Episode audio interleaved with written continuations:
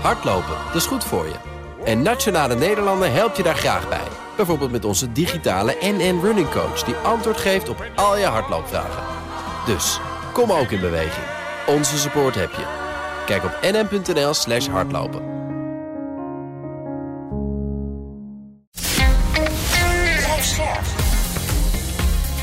BNR Nieuwsradio. Napleiten. Wouter Laumans en Christian Vlokstra. Het plan was om een gedetineerde uit de PI Roermond te laten ontsnappen. En dat zou gaan plaatsvinden door het huren van een helikopter. Dat er een tussenlanding ergens zou plaatsvinden. En dat tijdens die tussenlanding er een auto klaar zou staan met een helikopterpiloot uit Colombia. En personen die de reguliere piloot uit de helikopter zouden dwingen.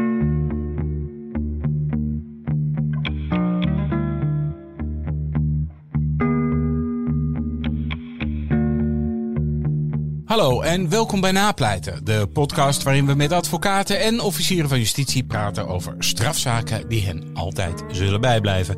Mijn naam is Wouter Laumans en naast me zit strafpleiter Christian Vlokstra. Welkom Chris. Dankjewel Wouter. Even de huisregels als gebruikelijk. In deze podcast praten we over definitief afgedane zaken en vanwege de journalistieke zuiverheid behandelen we ook geen zaken waar jij, Christian Vlokstra, als advocaat ook maar enigerlei betrokkenheid bij hebt.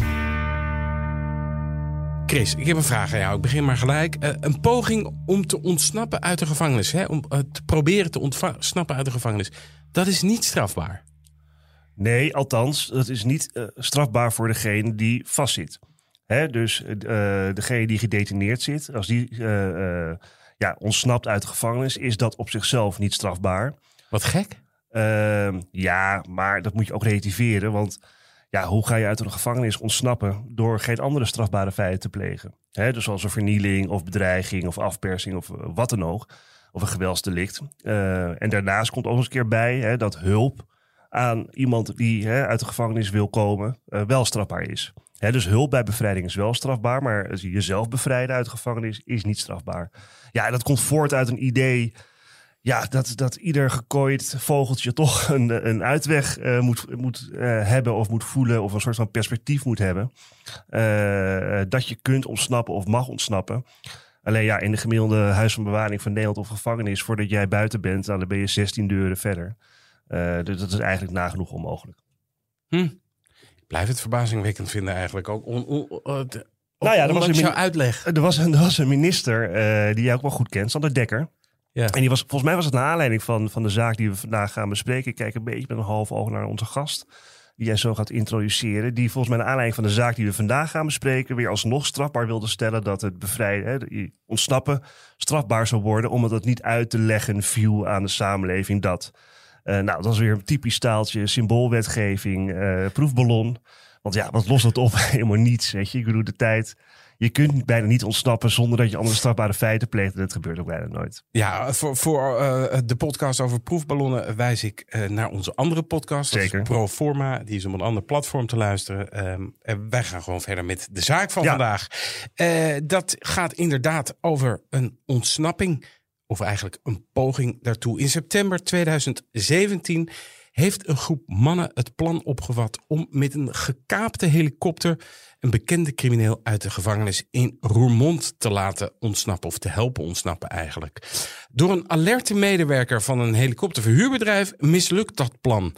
Na een wilde achtervolging, waarbij een van de uitbrekers, dus de mensen die uh, helpt uh, uit te breken, door de politie wordt doodgeschoten, worden de uitvoerders van de uitbraakpoging opgepakt. Bij ons de gast vandaag is de Rotterdamse advocaat Desiree de Jonge. Welkom. Ja, dankjewel. Uh, voor de mensen die jou niet kennen, jij hebt momenteel een van de bekendste criminelen van Nederland als cliënt. Willem Holleder. Ja, dat klopt. Dat klopt. Um, jij staat in bij in het hoger beroep, toch? Ja, ik heb het hoger beroep gedaan met mijn collega Sander Jansen. Ja. Uh, die fase is inmiddels afgerond. Hè. De, het gerechtshof heeft er uitspraak in gedaan. Uh, de zaak loopt nu in cassatie en daar zal ik ook uh, een rol in gaan vervullen. Ja, want ik las in een interview, volgens mij een panorama of nieuwe revue, dat je heel veel met Holleder belt. Um, is dat zo? Of is dat nu, om, want je gaat nu zijn cassatie doen, je net. Is dat nu nog steeds zo? Nee, dat is nu minder. Um, ja, zo'n quote komt dan natuurlijk ook altijd in zo'n interview, uh, wordt dat mooi uitvergroot. Ja. Het had wel een context, want de vraag was eigenlijk van hoe vaak zie je uh, zo'n cliënt dan en hoe vaak ga je naar, naar Vught? En daar heb ik op geantwoord van nou niet zo vaak, want we bellen heel veel. Ja. Uh, en dat was wel fijn toen ik instapte in dat hoger beroep, was dat eigenlijk al de stand van zaken, dat we heel veel telefonisch bespraken. En dat was ook wel nodig als je natuurlijk veel zittingen, getuigenverhoren, opzitting hebt om samen ook voor te bereiden. Dan bel je veel en nu is dat uh, iets minder, nog wel regelmatig. Maar zo zie je maar deze idee hoe zo'n journalist als Wouter Laumans, gerespecteerd, hè, gepokt en gemazeld, zo'n quoteje eruit pakt. intrapt. Dat dan zeg maar in zo'n podcast neerlegt. En een beetje met ja, het idee van... Oh, word jij heel veel gebeld door Willem Holleder? of niet soms, Wouter? Nou, het, het- de, kop, de kop fascineert natuurlijk enigszins. Kijk, laten we wel deze. Eh, ik heb ook wel eens met Willem eh Holleder gebeld. Ja. Eh, en ik kan me herinneren dat het wel iemand is die veel belt. Eh, dat is ook eh, dat is iemand die de telefoon wel weet te vinden. Nou ja, ik kan me herinneren, Ja. volgens mij heeft Sander Jansen daar ook wel eens een interview over gegeven. Of dat is niet over Willem Holleder zijn belgedrag, maar wel hè, dat het iemand is die graag hè, veel contact, contact, heeft. ja. En, Ja. eh, kijk, en dat is ook begrijpelijk, hè, want die belangen zijn natuurlijk levensgroot. Want het gaat om levenslang ja, Ja. of nee. En er speelde natuurlijk heel veel in die zaak. Eh, maar dat hij ook zei, ja, dat moest ik wel een beetje paal en perk aan stellen af en toe. Want je moet nog wel aan het werk kunnen. Ehm, maar goed, je Ja. hebt die cliënten ertussen zitten. Dat eh, geldt voor mij ook. Ja, jullie hebben natuurlijk allebei bij- met, eh, met Sander Jans gewerkt. Hè? Jij natuurlijk in de zaak eh, Holleder. En Sander Jansen is tevens Ja. jouw patroon geweest. Ja, deels mijn patroon geweest, naast iemand anders bij, uh, bij Klering en Hamer. Nee, maar ik ken deze idee ook nog wel van mijn tijd bij Klering en Hamer. Want die is Mhm. daar begonnen toen ik daar ook nog werkte. Eh, en zij is later naar Rotterdam gegaan, samen met Sander Jansen mee. En heeft uiteindelijk dus Van Dros gedaan, hè, de zaak van Willem Holleder. Terwijl ik bij, bij Fiek en Partners, bij Nico Meijering, eh, eh, Passage heb gedaan. Dus in die zin zijn onze carrières enigszins met elkaar ver- vervlochten in deze Zeker.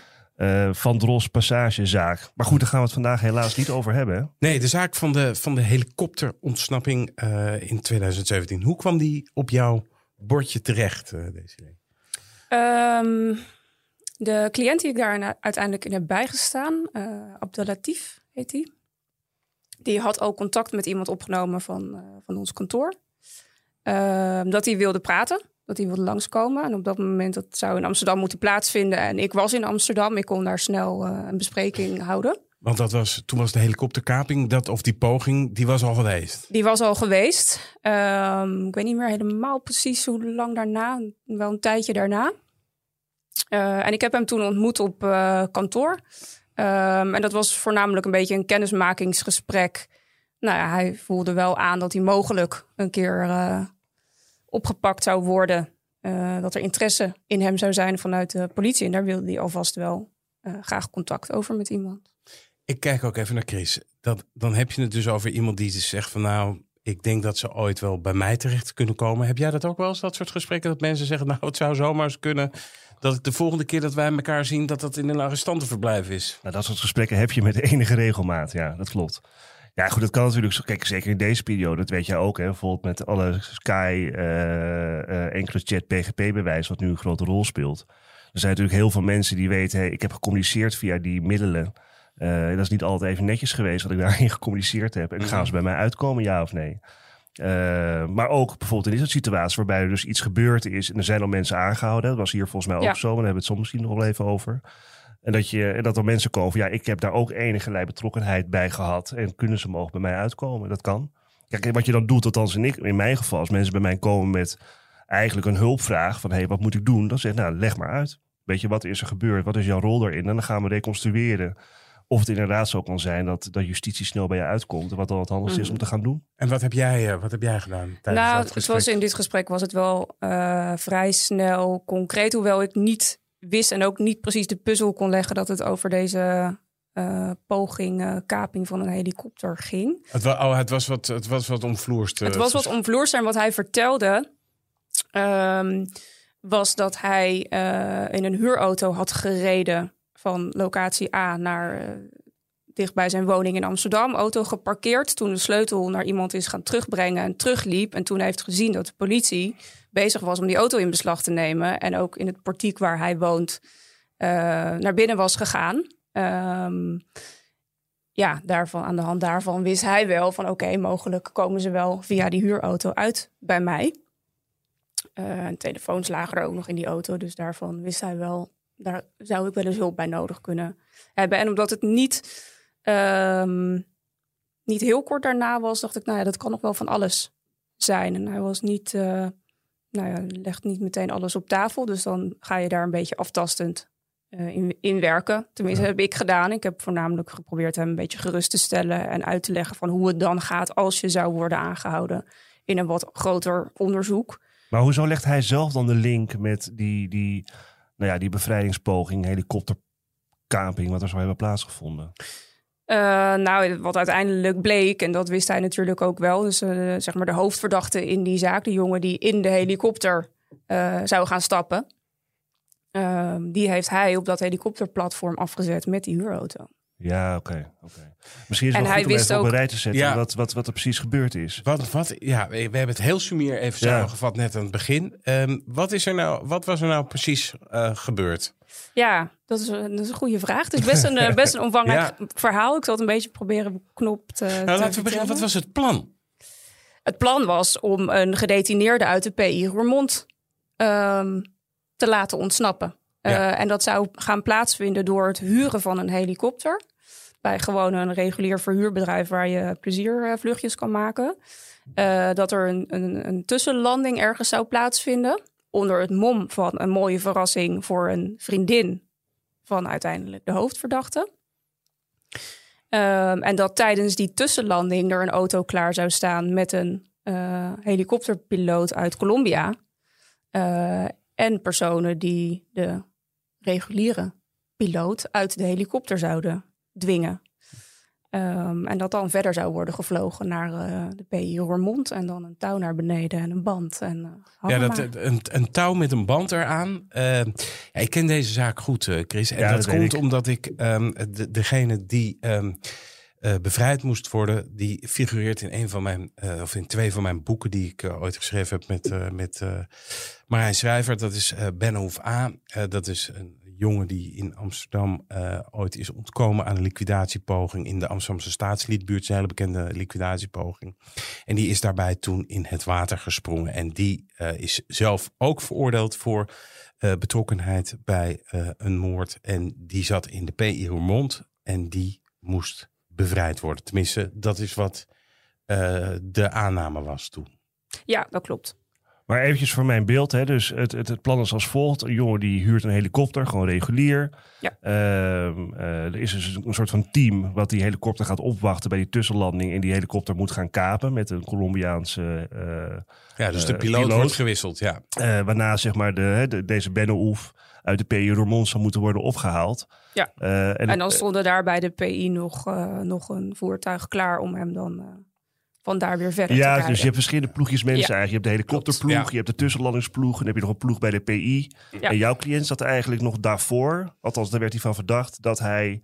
Ja, hij had voornamelijk contact met de jongen... die uiteindelijk in die helikopter zou gaan stappen... Um, en dan die tussenlanding zou gaan maken.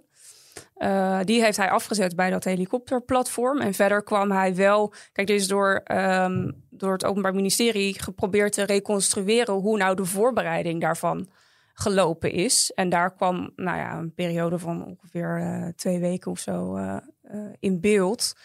Um, waar op bepaalde momenten mijn klant dan wel in beeld kwam. ja, want het, plan, want het plan is dus mislukt. Want wat is er uiteindelijk gebeurd? De politie heeft eigenlijk, volgens mij, als ik het me helemaal helder kan herinneren, heeft eigenlijk uh, die zijn gewaarschuwd van joh, ja. er klopt hier iets niet. Iemand wil een helikopter huren. En uh, daar klopt geen jota van. Iemand van het helikopterverhuurbedrijf heeft gebeld. Mm -hmm. En toen heeft eigenlijk de politie min of meer gezegd van joh, we gaan, we gaan die actie overnemen, toch? Of ja. hoe, hoe is dat gegaan? Ja, het stond, dat was uh, nou ja, redelijk kort voordat die vlucht moest gaan plaatsvinden. Toen hebben ze gezegd van nou ja, laat het maar niet doorgaan uh, met als uh, smoes dat er technisch iets mis is met de helikopter. Later is daarvan wel in beeld gekomen dat dat ploegje wat ermee bezig was en waarschijnlijk die helikopter wilde gaan kapen, dan ook overnacht heeft in een, uh, ergens in een bed and breakfast. Um, nou, dat gaat dan niet door. En toen is er een pseudo dienstverlening gestart waarbij dus inderdaad uh, politiemensen dat contact hebben overgenomen opnieuw met een telefoonnummer waarmee eerder contact was geweest eh, contact hebben gelegd om te vragen van joh, zijn jullie nog geïnteresseerd of ben je nog geïnteresseerd in die vlucht? En dat zou dan dan en dan kunnen plaatsvinden. En zo is dus eigenlijk een tweede voorbereidingsactie gestart, die grotendeels in beeld is geweest bij de politie. Door middel van observaties. Uiteindelijk zijn er bepaalde telefoonnummers, uh, die hebben ze kunnen tappen. Nog net van tevoren. En hoe dus, kregen ze dan maar vragen? Hè? Want dat zij, het is mij helder wat Wouter en jij vertellen, dat, dat ze maar, bij het huren van die helikopter, daar, hè, daar raakt ze eigenlijk op de hoogte van hier klopt iets niet. Mm -hmm. Um, maar dan ben je nog niet bij, hey, er gaat een tussenlanding uh, gebeuren en er gaat iemand uh, bevrijd worden en we moeten. Uh, nee, nou dat, dat van die tussenlanding, dat wisten ze al wel, omdat in die eerdere. Daarom werd het ook vreemd, een vreemd verhaal een beetje gevonden. Omdat er dan specifiek in Limburg, terwijl degene die contact opnam, die kwam gaan uit Amsterdam, jonge gast. Ja, die wilde, wilde dus een vriendinnetje gaan, gaan verrassen. Ja. en dat moest dan wel heel specifiek daar in de omgeving gaan plaatsvinden. Dus daar hadden ze wel al. Dus ze hadden dan ook wel, ze hadden wel een soort van team van politiemensen ook uh, daar staan. Uh, ja. uh, maar niet bij. En, en bij de, hoe wisten ze dan dat er zeg maar naar Roermond zou moeten worden gaan gevlogen, naar de PU Roermond? Heb je dat nog helder of niet? Mm, nou, niet helemaal. Ze hebben volgens mij in die periode onderzoek gedaan naar wie mogelijk dan iemand zou zijn die bevrijd zou moeten worden. En daar ja. waren een aantal opties. En volgens mij was het PI Roermond daar gewoon qua tijdsbestek het dichtstbij. Ja. En qua uh, mensen die mogelijk betrokken waren, die misschien weer gelieerd konden worden aan. Ja, of ze dat nou helemaal helder hadden, dat, dat Volgens mij hadden ze het niet helemaal helder. En ze hebben het laten gebeuren. Hè? Dus die helikopter die is ook opgestegen. Ja. Die is ook naar die landing gegaan. Ja, naar die landingsplaats in Weert gegaan. En daar is vervolgens een soort hele wilde achtervolging ontstaan, toch? Zeg ik het zo goed? Ja, en bij de PI Roermond ook in de buurt. Want Um, ik denk ook eerlijk gezegd dat, dat ze het niet helemaal in beeld hebben gekregen welke ploegjes er nou precies uh, betrokken waren en in welke rol. Wat ze wel vrij concreet hadden was dat er een BMW rondreed bij die tussenlandingslocatie in Weert. Dat is uh, in de gaten gehouden en um, het idee was om op het moment dat de helikopter lager uh, ging hangen, dat die jongens de auto uit zouden komen, mogelijk al gewapend en al. En dat dan zou worden ingegrepen. En dat moment bleef uit. Die jongens bleven zitten. En toen is op een gegeven moment wel de beslissing genomen van nou ja, dan toch maar ingrijpen, klemrijden. Ja. En die BMW die is er nog een aantal, ja, een behoorlijk eind vandoor gegaan. En uiteindelijk is toen ter plekke alleen de bestuurder daarvan aangehouden. En de andere jongens die daarin hebben gezeten, inclusief de piloot, ja, die zijn allemaal hun weg gegaan en zijn later getraceerd. Ja, en tegelijkertijd is er dus nog ook nog een achtervolging gekomen op een Audi in, uh, in de buurt van de PI. Ja. Uh, dat is helemaal een wilde achtervolging. Met schieten op de Audi en vervolgens uh, ook op een van de inzittenden. Ja, die, er is één dode bijgevallen. Ja. Um, een, een jongen uit Frankrijk. Um, ik kan me dat nog, ik kan me dat echt nog als de dag van gisteren herinneren, die, die hele helikopter uh, ontsnappingspoging. Dat, ja. was, dat was echt groot nieuws. Het gebeurt gewoon niet vaak, hè, ontsnappingen. Nee, ja, ik, ik bedoel, het gebeurt wel eens. Hè. Je hebt, uh, je hebt uh, Omar L gehad in de, in de PU Zutphen. Dat was volgens mij daarna dat ja, het, uh, klopt. het geprobeerd zou zijn. Je hebt deze gehad. Ja, je hebt er vroeger ja, een aantal gehad. Ja, heb je er een aantal gehad. Maar het gebeurt niet vaak dat dat je hoort dat mensen op zo'n manier zo driest uitbreken. Nee. Als het gebeurt dat iemand ontsnapt, zijn het altijd een beetje van die ja, rare, zullige manieren, weet ja. je wel. Dat, nou ja, in het verleden dat mensen op andere namen naar buiten gingen. Of in, ja. de, in, de, in de... En laatst is het gewoon nog eentje geweest met, met lakens uit de PI Alpha of Klopt. zo. Ja, maar dat zijn eigenlijk de, de, de, ja, de, de klassieke, zeg maar. de oude, ouderwetse ja. manieren. En dit... En, dus ja, dit moet voor jou dan toch ook de eerste keer zijn dat je, dat je zo'n soort zaak uh, te pakken had, denk ik zo. Nee, ik had wel al 27 uh, eerder uh, nee. helikopterkapingen. Nee, ja, deze. Nee, absoluut. en dat was ook voor mij wel het, het, het leuke. Want op een gegeven moment als je een tijdje meeloopt in het strafrecht en wat mooiere zaken gaat doen. Ja, um, ja het is wel vaak drugsinvoer, uh, ernstiger geweld, misschien een keer uh, voorbereiding van moord of, of, zelfs een moordzaak, witwassen. Nou, Chris weet er alles van, hoor ik al. Eindeloos witwassen. Um, en dan is het natuurlijk wel bijzonder als je inderdaad een keer het uh, ja. kapen van een luchtvaartuig. Nou, wat, wat moet je daar nou? Ik dacht meteen een of andere terrorisme feit of zo. Um, en het bevrijden van een gedetineerde. Ja. Ja, Dus dat Ehm, was, eh, bijzonder. Maar wanneer werd jouw cliënt, want kijk, eh, sorry dat ik er, eh, wanneer werd jouw cliënt dan aangehouden? Want jij spreekt hem in Amsterdam. Hij denkt, ja, ik heb mogelijk een probleem. Hij werd volgens mij, het is gebeurd in eh 10, 10 of 11 oktober Oktober, ja. 2017. Ja. En hij werd volgens mij een beetje eind december aangehouden. Ja, en toen vroeg hij meteen naar jou. Ja. En toen kon het feest gaan beginnen. Toen ging het feest beginnen. Ja. Ja, en oké, dus en toen ging je bij hem langs in de PI en toen zei hij, nou, dit was het dus. Of, of wat vertelde hij toen? Was hij toen wat openhartiger? Eh, nou, ook nog niet direct. Ik moet zeggen, het is gewoon een hele rustige en best wel terughoudende jongen. En nou, dan ga Daar je stikt wel, het hiervan, hè, in deze podcast. Ja, dan ga je uiteindelijk. eh, kijk, er waren al een aantal mensen aangehouden. Dus dat dossier was best compleet eigenlijk al toen ik er eh, instapte. Dus dat kon ik allemaal met hem bespreken. En ehm, ja, hij heeft op zich toen wel verteld wat zijn betrokkenheid erbij was. Ehm, en ook dat hij voornamelijk eigenlijk dingen heeft gedaan voor die hoofdverdachte. Dat was gewoon een van zijn oude buurjongens met wie hij goed was op dat moment. Eh, en die was gekomen met dat verhaal van... eh, ja, ik ga mijn vriendinnetje verrassen. Ja. En daar is hij uiteindelijk in meegegaan. Volgens mij, wat ik me er nog van kan re- kan herinneren, is dan, want ik ben ook wel bij een aantal. Het is eigenlijk de eerste keer dat, ik, eh, dat we hier een zaak behandelen waarbij ik bij zittingen aanwezig ben Ja, geweest. dat maakt het anders voor jou, hè? Ja, wel Ja, een dat beetje. Dat, ik dat wel. ik denk van, oh, ik zat het nou ook weer. Maar Ja. ehm, dat, eh, ik kan me herinneren dat eigenlijk alle verdachten zich op hun zwijgrecht eh, beroepten, beriepen.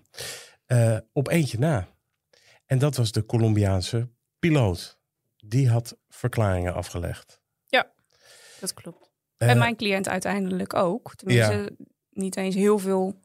Niet heel lang na zijn aanhouding heb ik hem geadviseerd om wel iets te gaan verklaren. Ja, maar ik bedoel dat ze aanvankelijk hebben ze zich allemaal Ja, op hun eh, klopt. eh, en de ze meesten hebben het ook wel volgehouden hoor. Ja. Ehm, de, de verklaringen van die piloot. Wie, wie was die piloot? Wat was dat voor iemand? Ja, dat was een Colombiaanse helikopterpiloot. Ehm, we zijn er nooit helemaal achter gekomen wie het nou precies was en hoe die in godsnaam hierin terecht is gekomen en Ja. via wie dat is gegaan. Ja. Geen idee. Ehm, maar goed, ja, die is op een goed moment, eh, ik geloof, naar Brussel eh, gevlogen. Heeft daar in een hotel verbleven. Heeft, is opgehaald om ontmoetingen te hebben in Nederland op een aantal locaties, een aantal momenten. Eh, heeft uiteindelijk, omdat nou ja, er dus iets was met die helikopter, het niet door kon gaan, is het ticket omgeboekt. Is hij wat langer gebleven en uiteindelijk is hij als een van de inzittenden van die BMW die klaar stond eh, aangehouden. Wat heeft hij precies verklaard? Nou, hij is ehm, heel vroeg, meteen in zijn eerste verklaring, ehm, grotendeels gaan verklaren ehm, over die ontmoetingen en dat hij benaderd was. Eh, dat hij in de veronderstelling was dat het ging om een eh, bijdrage aan een Netflix-serie. Mhm. Dat was zijn verhaal. Ja, het klinkt ook als iets uit een Netflix-serie, maar dat was het natuurlijk niet. Het Nee. is, het is best wel knap politiewerk, hè, dit? Ja, ik weet, ja, goed, ja, nou zeker. Ja, maar dat heb je, heb je, heb je wel vaker in die periode gehad. Hè? Dat, dat de politie eh, eh, in een eerder stadium eigenlijk op de hoogte raakte van, Ja. van mogelijk Ja. strafbare feiten. En eigenlijk zeg maar ja, in dat, dat scenario, oh, hè, eh, de, het scenario overneemt. En, en zo Ja. zeg maar die, die verdachte mooi. Er zit natuurlijk ook een enorm risico aan Ja. als, het, eh, als het misloopt. Maar in dit geval niet. Ehm, eh, maar deze, deze, deze helikopterpiloot die verklaarde dat hij dacht dat het om een Netflix-bijdrage ging. Ja. Maar die verklaarde wel van, hé, hey, ik zou naar een gevangenis moeten gaan vliegen en daar iemand moeten gaan ja, ophalen. dat was hem dan gaandeweg eh wel een soort van duidelijk geworden. Dat, daar was hij niet zo concreet over. Kijk, die heeft wel gewoon zijn eigen positie daarin zitten bewaken in die, eh, in Ja. die verklaringen. Die Ja. is gewoon met een verhaal daarover gekomen. Eh, ook als je kijkt naar de omstandigheden waarin hij uiteindelijk in een woning in Amsterdam een paar dagen heeft verbleven, die heel marginaal was ingericht. En er moest dan af en toe een broodje kip voor hem worden gehaald.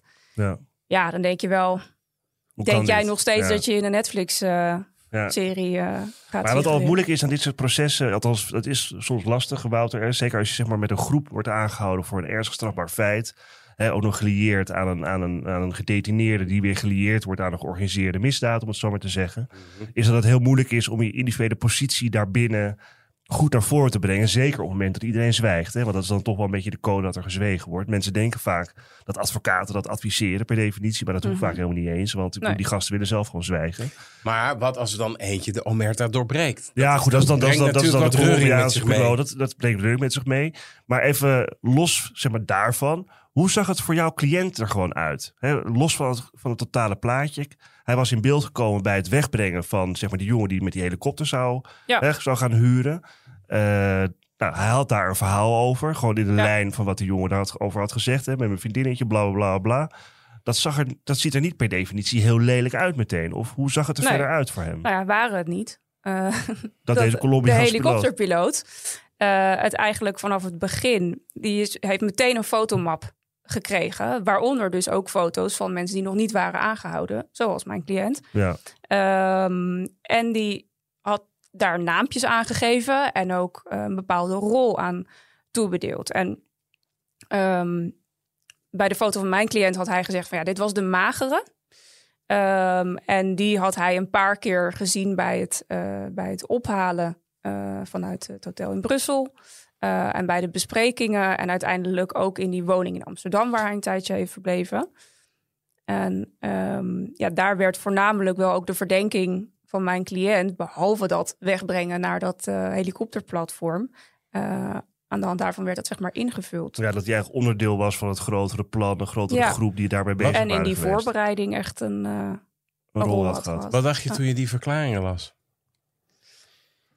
Ehm, nooit laten we de helikopterpiloot eens gaan, eh, gaan ondervragen. Ja, maar, Eh, nee, maar ik snap, kijk, bedoel, je, eh, je, je, jij bent niet je cliënt, dus je verstaat hem bij. Maar ik kan me ook wel voorstellen dat je dan even denkt, potverdomme. Ja, Daarmee Nou ja- leg, hij legt mijn cliënt er wel even in, Ja, om het zo maar nou te had zeggen. ik daar wel meteen ehm, onderbouwd eh, mijn twijfels ook over of dat allemaal klopte. En dat kwam omdat in de eerste verklaring van die helikopterpiloot noemt hij dus bij een bepaalde foto, die van mijn cliënt, dat is de magere, die heeft die en die rol gehad. Ehm, gaandeweg verklaart hij over die dag waarop hij in die BMW bij die tussenlandingslocatie had gezeten, dat de magere daarbij zat. En daarvan wisten we, dat stond op zich ook wel netjes uitgewerkt in het procesverbaal. Ja, is dat niet kan zo. niet kloppen, want we wisten dat mijn cliënt toen in een huurauto eh, alweer in Amsterdam was. Ehm, dus dat was wel meteen een indicatie van oké, hier moeten we heel erg voorzichtig mee omgaan. En mijn cliënt zei ook meteen van ja, dat klopt ook niet. Wat hij wijst misschien mijn foto aan, maar dat is niet, dat, zijn, dat is niet de betrokkenheid die ik gehad heb. Dus eigenlijk was het voor jouw zaak, in deze zaak, om de verklaring van eh, de helikopterpiloot eigenlijk, nou ja, hoe zeg je dat, onderuit te halen? Is dat, eh, is dat, is dat ja, het klinkt Nou ja, te ja, te heel toetsen. goed te toetsen. Ja. En ook uiteindelijk de rechtbank daar heel erg bewust van te maken dat, dat je daar niet natuurlijk heel handig is dat je meteen een van de verdachten hebt die van A tot Z zou vertellen hoe het allemaal eh, gegaan is. Ehm, maar dat je daar wel heel erg voorzichtig mee moet zijn.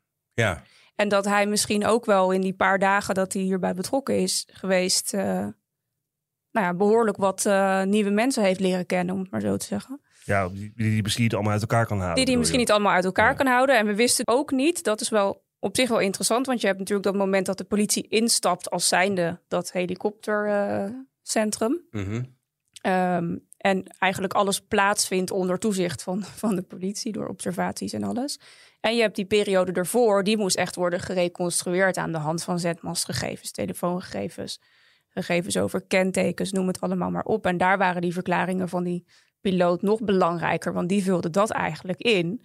Maar ehm, nou ja, van een deel van de verdachten kon je uiteindelijk echt wel vaststellen dat ze zowel in die eerste als tweede voorbereidingsfase betrokkenheid hadden gehad, maar van een deel ook niet. En je wist natuurlijk ook niet of daar nog anderen eerst bij betrokken zijn geweest, die toen dat technisch mankement zich voordeed, zelf hebben gezegd van nou laat maar zitten. Het technisch mankement, je bedoelt dat de politie eh, zei van joh, eh, die, die helikopter die niet. doet het Kan niet. niet meer doorgaan. later. Ja, ja. Precies. Ja. ja, het is van belang, hè? Want, eh, want waar werd jouw cliënt nou precies van verdacht? Eh, van het medeplegen van ehm, het pogen een helikopter te kapen. Ja. Eh, van het medeplegen van het pogen een gedetineerde te bevrijden. Ehm, Wat is de straf die daarop staat eigenlijk? De, de- het pogen een medegedetineerde of een gedetineerde te bevrijden. Nou ja, je Ja, dat- kijkt, je dat kijkt is naar niet mij, zo- maar je kunt beter Ja, naar nou, ik deze heb, vragen. dat, is, dat is niet zo'n hoge straf. Ik meen in de orde van grootte van een jaar of drie of zo. Oké. En dat is ook precies wel een interessant punt. Want kijk, als je uiteindelijk als Openbaar Ministerie een poging om iets te doen niet kan bewijzen, omdat het gewoon nog te weinig is gebeurd, dan heb je een soort vangnet voorbereiding van dat feit. Maar dat is alleen bij achtjaarsfeit. Dus er moet een straf van minimaal acht jaar op staan. Uh, en dat was dus een beetje het punt met betrekking tot die bevrijding. Dat feit aan zich is niet ernstig genoeg om voorbereiding daarvan strafbaar te achten. En het voorbereiden van de kaping van een helikopter wel. Dat wel, ja, Want dat was gewoon een. Uh, ja, misschien moet ik het heel eventjes ja, kort. Ja, ik, uh, ik, zag jou rekenen.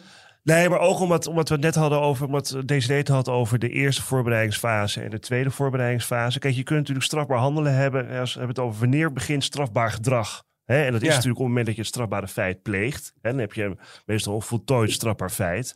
Ja, dus Eh. eh, als, je, als je met die helikopter boven de, boven de PI hangt en je haalt iemand eruit, dan- is, ben je bezig Ja, met het ja. strafbare Of nog feit. makkelijker, je hebt gewoon de bankoverval. Weet je, als je de bank overvalt, dan, dan pleeg je op dat moment het voltooide strafbare Ja. feit, de bankoverval. Maar op het moment dat jij al wapens bent gaan inkopen voor die, of, of gaan en plannen halen, aan het maken en ben observeren. je dan al, is dat al strafbaar? Nou, dan ben je bezig met een strafbare voorbereiding van een bankoverval. En dat kan omdat een bankoverval, een, een, zoals Desiree zegt, een achtjaarsfeit is. Ja. Goed, en als je praat over een bankoverval, hoe zit dat Nou, dan? alleen Dat praten, dan nog niet. Dat Nee. is nog geen strafbare voorbereiding. Daar zit precies het, het onderscheid in, Ja. denk ik. Het, het maken van, van plannen, zelfs erover spreken en het voorbereiden met elkaar is niet strafbaar.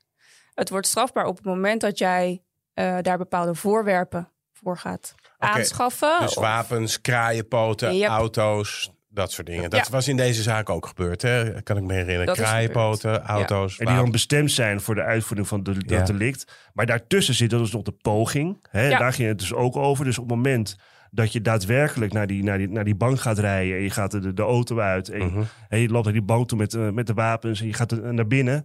En op dat moment eh, valt het doek, zeg maar. Dan heb je eigenlijk nog niks gedaan, maar je bent wel met wapens snel die bank ingelopen. Dan hebben we Mhm. spreken van een poging van een bankoverval.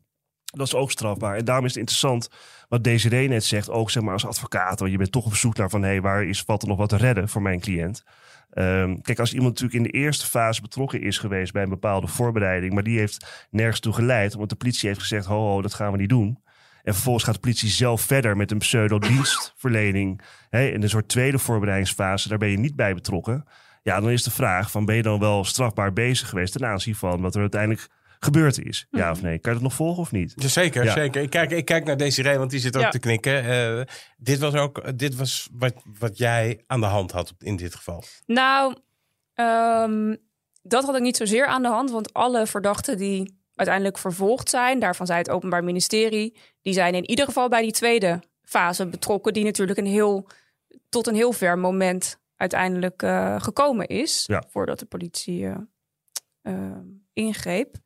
Ehm, en van een deel zeiden ze van ja, die zijn ook in die eerdere fase betrokken, maar er waren geen verdachten die in die eerste fase betrokkenheid hadden gehad of daarvan werden verdacht. En die werden vervolgd, maar geen rol bij die tweede.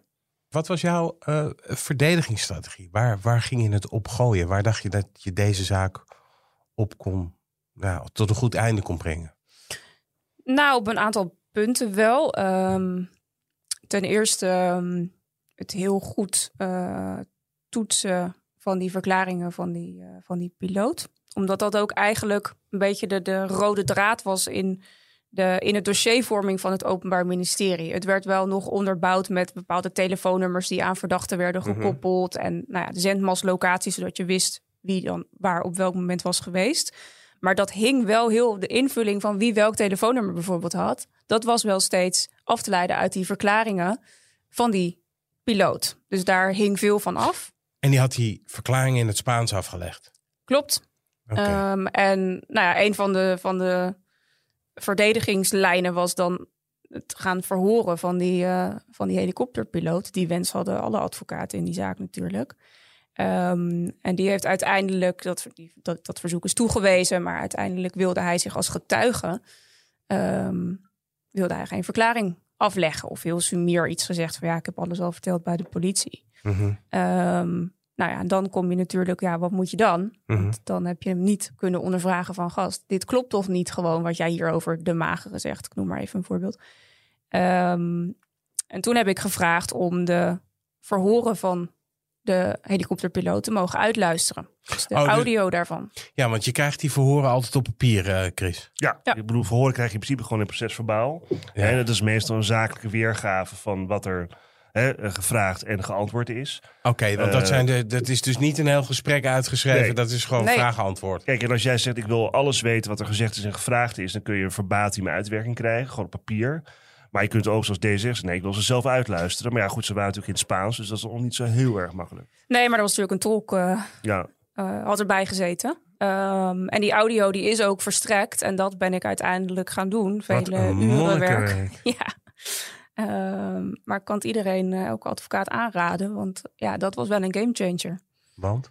Nou ja, die verhoren die bleken... Ten eerste was er van het eerste verhoor was er geen audio. Dus dat zal altijd een raadsel blijven of dat verhoor nou precies zo verlopen is en goed op papier is gekomen. Maar van de verhoren 2 en 3 was dat er wel.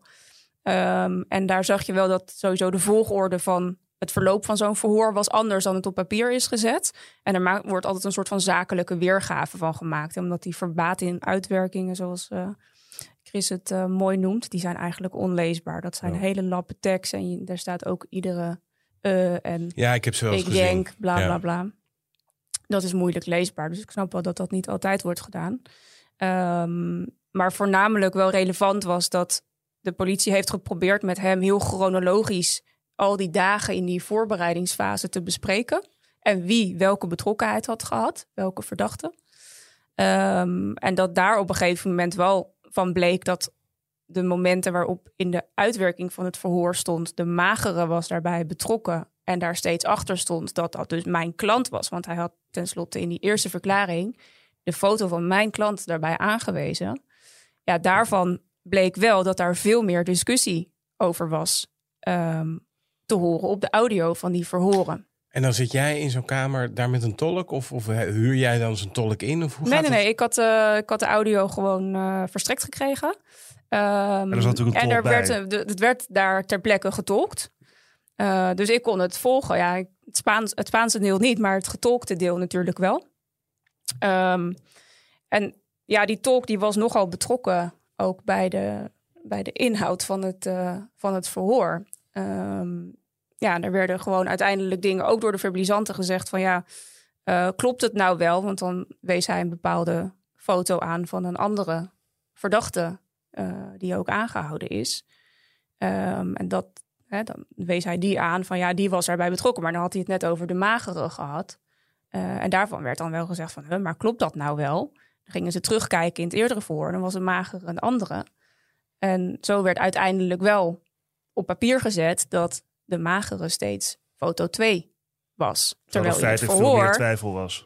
er twijfel was. Uh, sterker nog, hij wees gewoon daar een andere foto bij aan van een andere jongen. Zo. Um, en dat ging dan nog door. Daar is een hele discussie over te horen met betrokkenheid ook van de tolk. Van nou, volgens mij klopt dat niet. Heeft hij gisteren iets anders gezegd? Um, en die helikopterpiloot, uh, die laten ze dan die foto's nog een keer zien. En die zegt gewoon, uh, it's similar, no? Hij denkt dat dat gewoon dezelfde persoon is. Ze lijken op elkaar, ja, ja. Ja, en ik moet zeggen, op de foto's hadden ze ook wel iets van elkaar weg. In het echt wel wat minder. Um, ja, en dan zeggen ze van no, no, no, it's not similar. Uh, maar uiteindelijk is in de uitwerking wel gewoon steeds de foto en de naam van mijn klant blijven staan. Maar was je nou de, aan de hand zeg maar, van dit, deze exercitie met, dit, met het uitluisteren van deze verhoren, was je nou in staat om, om zeg maar, de rol van jouw cliënt, hè, de omvang daarvan zeg maar, in dat hele gebeuren, om dat daadwerkelijk te, ja, ver te beperken eigenlijk? Ja, enorm. Ja, ja. ja want hij had echt wel uh, verklaard dat. Um, kijk, het was met betrekking tot die helikopterpiloot begonnen met het ophalen van hem uit dat hotel in Brussel en dan naar bepaalde besprekingen brengen. Uh, en uiteindelijk is hij dan uh, nou ja, naar een woning in Amsterdam gebracht waar hij een paar dagen heeft verbleven.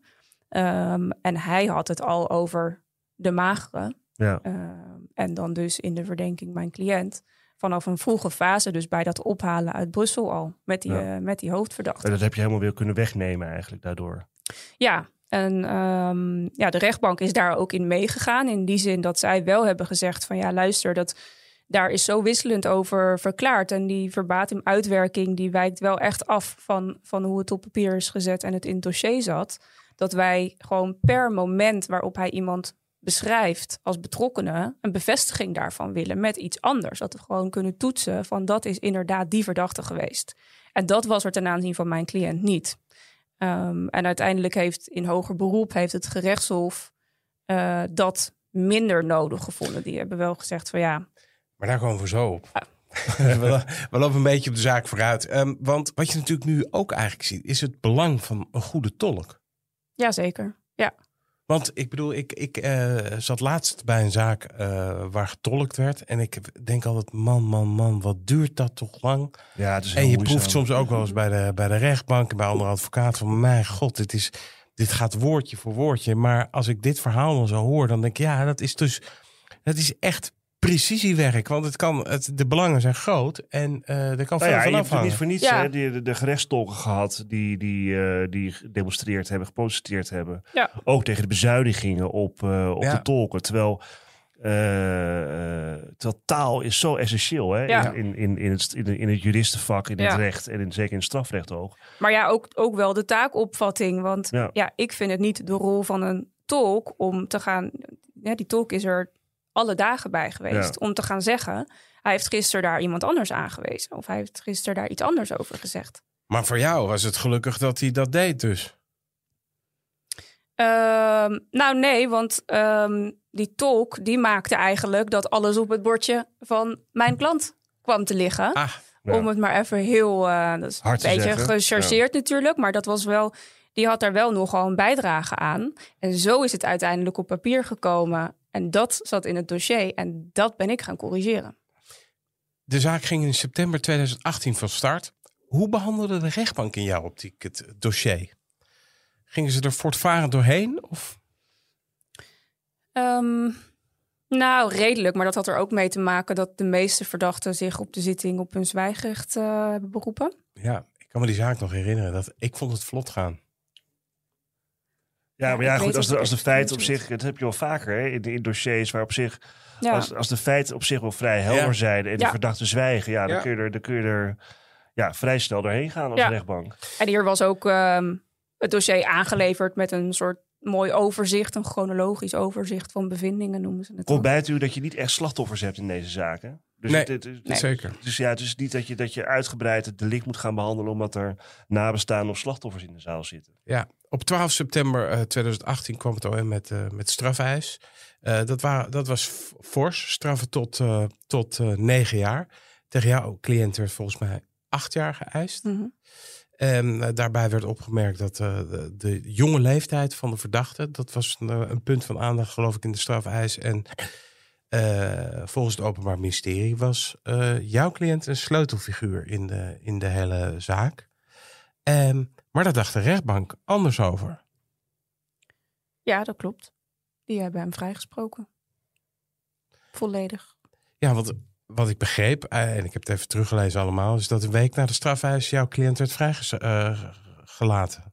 Ja, als ik het me goed herinner, was het één of twee dagen na mijn pleidooi en de reïndupliek. Dus dat er nog gereageerd is eh, tussen OM en eh, verdediging. Dat is Eh, dus heel voor het kort vonnis. Ja, ja, ja, echt. eh, Dat is toch wel voor uitzonderlijk? Ja, dat komt niet heel vaak Nee. voor. hoor. Dat je, dat je, nee, als, kijk, als dat gebeurt, dan, eh, dan, eh, dan gaat je advocaat hartje ook weer sneller kloppen. Eh, want dan krijg je eigenlijk gewoon een vervroegde invrijstelling van je cliënt Ja. nog voor het vonnis. Nou, dat komt eigenlijk alleen maar voort op het moment dat de rechtbank gewoon integraal gaat vrijspreken. Ja, of dat er natuurlijk een niet hele lange straf. ook kijk, de, de- de- het allerlaagste op de verdenking was geloof ik nog de heling van eh, gestolen voertuigen en het bezit van wapens. En hij zat op dat moment dat hij vrijkwam wel al een maand of negen denk ik vast. Ehm, dus ik hield er nog wel rekening mee dat hij alleen voor nou ja, een van de kleinere feiten, feiten, wel ja. veroordeeld zou worden. Maar dan gewoon zijn straf er al op had zitten. Maar uiteindelijk toen het vonnis kwam, toen, ja, toen bleek het een volledige vrijspraak te zijn. En Ja, had die vrijspraak nou te maken, oh sorry, maar had die vrijspraak te maken met dat ze niet konden vaststellen wat zijn rol was geweest? Of dat ze het niet konden kwalificeren als een ernstig strafbaar feit? Of Nou, de rechtbank heeft ten eerste ehm, alle verdachten vrijgesproken van de poging van die kaping van die helikopter. Omdat ze zeiden, nou dat stadium is nog niet bereikt. Ehm, en vrijgesproken van de poging van die bevrijding, omdat dat daarna nog stond te gebeuren. Dus die fase was ook nog niet bereikt volgens de rechtbank. Wel een aantal veroordeeld voor het voorbereiden van de kaping van de helikopter door gewoon wapens uh, en andere ernstige middelen voorhanden te hebben. Ja. En ten aanzien van mijn cliënt hebben ze daarvan gezegd van ja, hij heeft daar een, uh, een, een verklaring over afgelegd met welk idee hij hierin is meegegaan. Er blijkt niet, er is geen bewijs voor zijn wetenschap van uh, de aanwezigheid oh. van de wapens en het criminele doel. Uh, dus dan moeten we hem vrijspreken. Ja. Het OM was, uh, wat ik zag, reageerde verbijsterd. Eigenlijk al, eigenlijk al ook op jou, de vrijlating van jouw cliënt. En twee anderen werden ook toen vrijgelaten. En die zeiden van in de pers dat er door de rechtbank weinig gedetailleerde en kritische vragen waren gesteld. En dat de feiten maar sumier besproken waren. Daarom, daarom vroeg ik dat aan het begin. En, Snapte je die kritiek van het Openbaar Ministerie? Of vond je dat een beetje napleiten, om het zo maar eens even te zeggen? Nou, die, nee, ik begreep die kritiek niet zo goed. Ten eerste krijg je als Openbaar Ministerie zelf ook altijd de gelegenheid om vragen te stellen. Dus als jij dan vindt dat de rechtbank dat op een of andere manier laat liggen, Mhm. uh, ja, dan kan je daar gewoon op de zitting aandacht voor vragen. Je mag altijd zelf uh, nog stukken laten voorhouden op de zitting. Je mag verdachten confronteren. Dus dan denk ik, doe dat dan ook. En daar komt bij, je hebt een requisitor hè, waarin je je Je verhaal hebt een requisitor. Ja. Um, je mag nog reageren op een, op een pleidooi. Um, dus ja, dat... Nou ja, kijk, dat vonnis, ik, zat- ik zat het nog even te lezen. En eh, daar, daar werd wel door de rechtbank gesproken van een levensgevaarlijk plan. Het nemen van onbeheersbare risico's. eh, totaal gebrek aan respect voor de rechtsorde. eh, bereidheid tot zware wapens, pistoolmitrailleurs te gebruiken. En dan, dan hoor je dat soort grote woorden. En dan, Ja, maar waar dus deze zaak om draait, dat maakt het juridisch interessant, is dat de rechtbank zegt er is geen sprake van een poging. Hè, en po- poging is juridisch, dus dat het voornemen van de dader om het strafbare feit te plegen zich door een begin van uitvoering heeft geopenbaard, zo staat het in de wet. Eh, en het komt er eigenlijk nou, eh, op neer dat zeg maar, de gedraging en de uiterlijke verschijningsvorm gericht moeten zijn op voltooiing van het strafbare feit. En daar is heel veel jurisprudentie over van de Hoge Raad. En de vraag is altijd wanneer is er sprake van een poging en wanneer is er nog voorbereiding. En dat is van belang hier, want de voorbereiding van het bevrijden van iemand uit gevangenis is niet strafbaar. Dus alleen maar de voorbereiding van de helikopterkaping. En als je zegt, er is geen sprake geweest van een poging, er is geen begin van uitvoering geweest op voltooiing van het feit, ja, dan moet je dus, ondanks al, alles wat ze daarover zeggen, Ja. moet je dus uiteindelijk vrijspreken. Dat is juridisch heel interessant. En Eh, waar ligt de en grens? waar je wel natuurlijk gewoon de opzettelijke betrokkenheid van bepaalde verdachten ziet, dan moet je terugvallen op die eh, minder strafbare vorm, de voorbereiding. Ja. En precies omdat natuurlijk dat soort bewoordingen wel zijn gebruikt over wat hier het plan was en hoe het ten uitvoer zou worden gelegd. Ja, daar ontstond natuurlijk commotie over van hè, dit zou toch veel zwaarder strafbaar moeten zijn en moet hier niet iets Ja, in ik, kan me, ik kan me ook nog wel herinneren dat er enige heel consternatie veel. was in de samenleving. Nou, ik- ik- Nou ja, en ook omdat de, nou, ik weet het dat, OM het zich wel zo aantrok. Tenminste, die hebben dat ook gewoon gezegd. Van ja, ehm, het- dat, dat ze te vroeg hadden ingegrepen of zo. Of dat eh, ja, dat klopt. Ja, ik weet ook dat ik ze toen niet, dacht... het niet verder hadden kunnen laten gaan. En daarvan dacht ik wel, nee, maar dat heeft ook niemand jou gevraagd. Je hebt het al echt tot een heel gevaarlijk moment door laten gaan. Onder Ja. controle van de, van de politie en gewoon arrestatieteams. Eh, maar in feite hebben ze wel degelijk gewacht totdat de jongens uit de auto kwamen.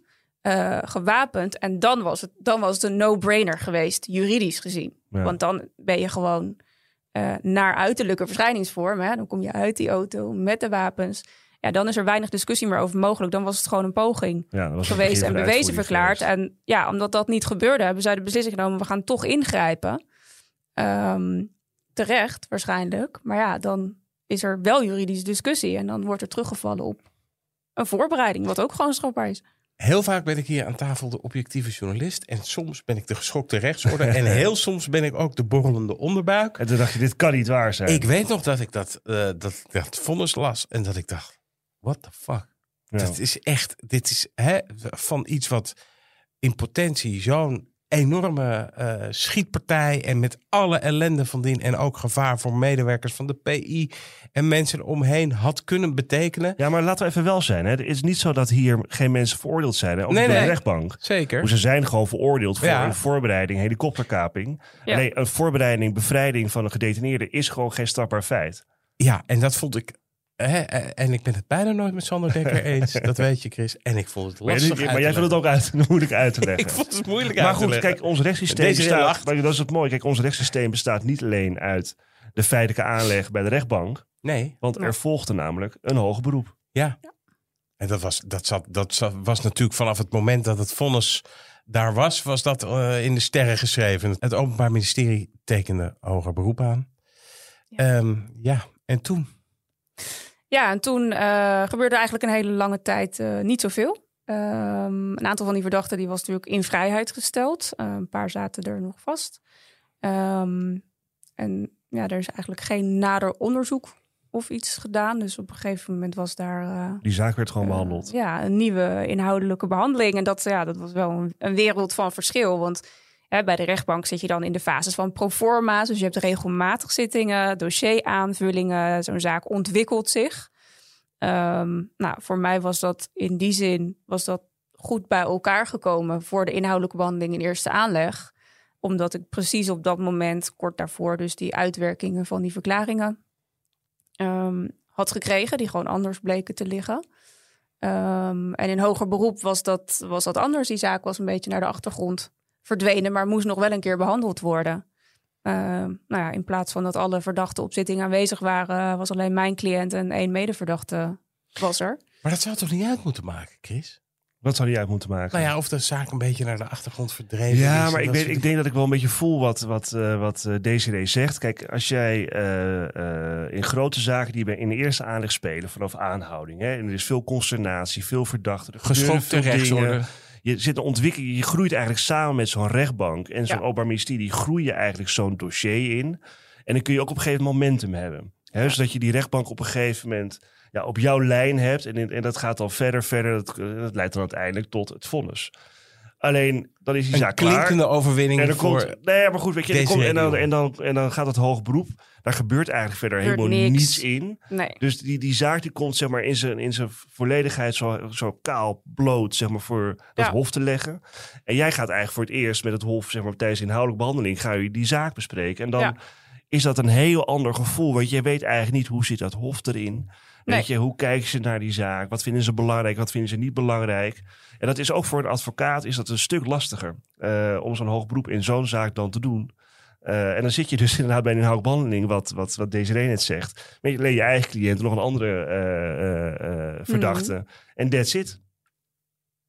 En toen? Ja.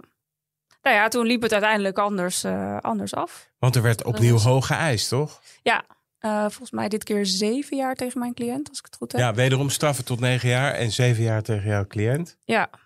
Ehm, Heb je grosso modo hetzelfde bepleit als in eerste aanleg? ja, Ja. Ja, er was er niets veranderd aan die zaak natuurlijk. ik had Nee. ook, ja, precies. Eh, En ik, ja, ik stond nog steeds ook achter die argumenten. En nou ja, omdat het dan bij het Hof is, dan ga je het juridisch nog wel iets, eh, nog iets meer onderbouwen. Dus die pleitnota was ook wel iets omvangrijker. Want daar ging natuurlijk onmiskenbaar dezelfde discussie ja. spelen. hè. Het Openbaar Ministerie ging hiervan zeggen van ja, dit is. Hier zou je wel moeten aannemen dat die poging heeft plaatsgevonden. Die zou bewezen moeten worden verklaard. Eh, nou ja, de advocaten in deze zaak waren het daar niet, eh, niet mee eens natuurlijk. Wat was het oordeel van het Hof? Nou, dat is op zich wel een bijzonder oordeel. Want ook het Hof heeft vrijgesproken van de poging van de kaping van de helikopter. Mhm. Maar uiteindelijk en veroordeeld voor de voorbereiding daarvan, op dezelfde manier zoals de rechtbank dat had gedaan. Maar het Hof heeft gezegd van ja, dat kapen van die helikopter was eigenlijk niet het hoofddoel. Dat was meer het middel waarmee het doel zou worden bereikt, namelijk het bevrijden van een gedetineerde. En ehm, daarvan hebben zij gezegd van ja, daar waren wel een reeks aan handelingen voor al voor eh, uitgevoerd. Waaronder dat dus ook wel vlucht, een vluchtauto al klaar stond in de buurt van de PI om uiteindelijk die gedetineerde verder te brengen. En dat geheel hebben zij wel voldoende gevonden voor de poging bevrijding van een gedetineerde. En dat heeft wel een eh, wereld van verschil gemaakt. Ehm, en daarnaast ten aanzien van mijn cliënt hebben ze in tegenstelling tot de rechtbank ehm, zijn verklaring niet geloofwaardig gevonden. En gezegd van ja, dat, eh, daar gaan we niet in mee. Eh, en dat hij dus wel wist wat er stond te gebeuren. En daar ook een voldoende bijdrage aan heeft geleverd om hem medepleger daarvan te maken. En wat kreeg hij daarvoor? Ja. Eh, vier jaar. Zo. En dan moet jij dus tegen, dan sta je dus daar eh, met iemand die eh, zelf naar het hof is gekomen. moet jij gaan uitleggen van ja, het is toch niet geworden wat we hadden gewild. Ehm, Had je hem op voorbereid? ja, ik heb hem wel erop voorbereid dat het anders zou kunnen aflopen. Ehm, OM zat er natuurlijk ook wel heel duidelijk met een gestrekt been in en met ook weer een forse eis.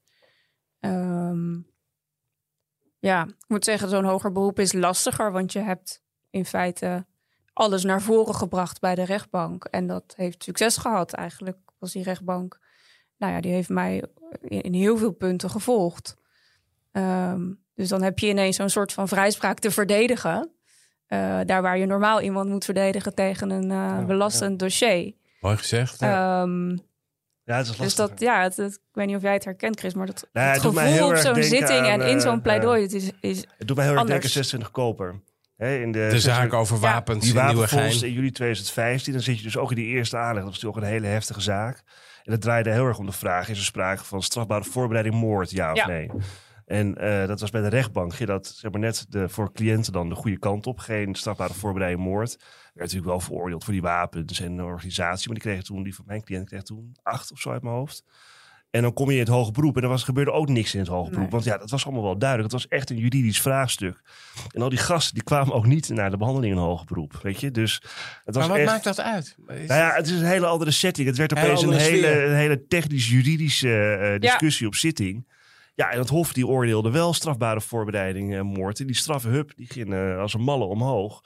Maar het is precies wat de DCD zegt. Je moet dan inderdaad, het had ik echt, je moet je vrijspraak gaan verdedigen daar in hoger beroep. Dat is echt een hele andere situatie.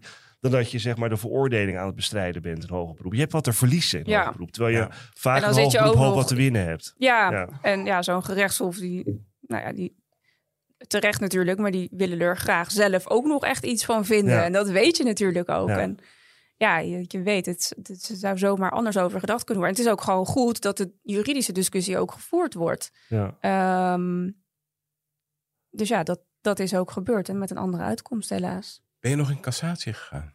Ook dat, ja. En? Dat eh, heeft, eh, heeft, heeft niks opgeleverd voor mijn cliënt. Nee.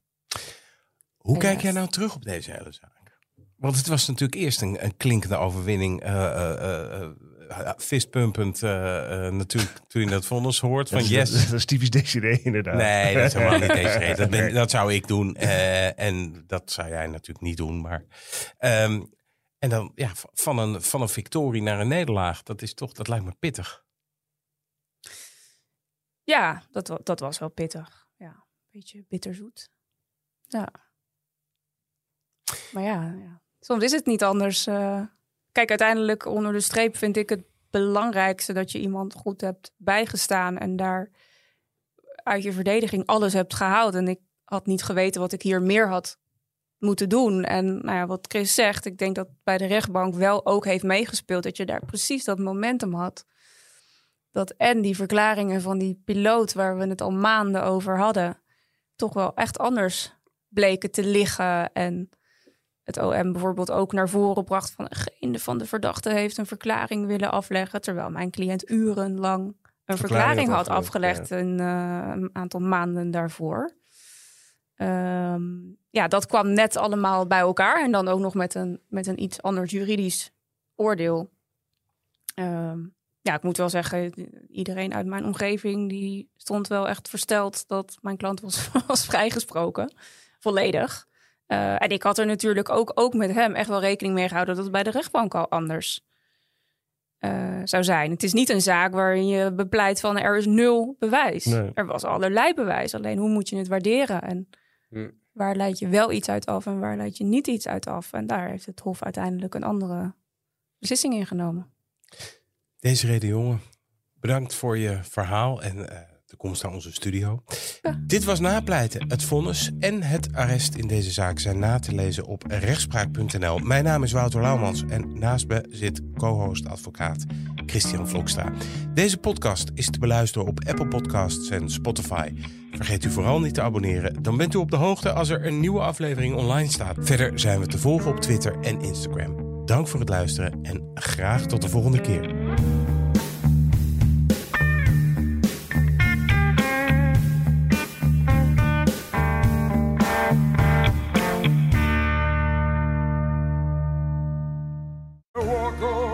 Hardlopen, dat is goed voor je. En Nationale Nederlanden helpt je daar graag bij. Bijvoorbeeld met onze digitale NN Running Coach... die antwoord geeft op al je hardloopvragen. Dus, kom ook in beweging. Onze support heb je. Kijk op nn.nl slash hardlopen.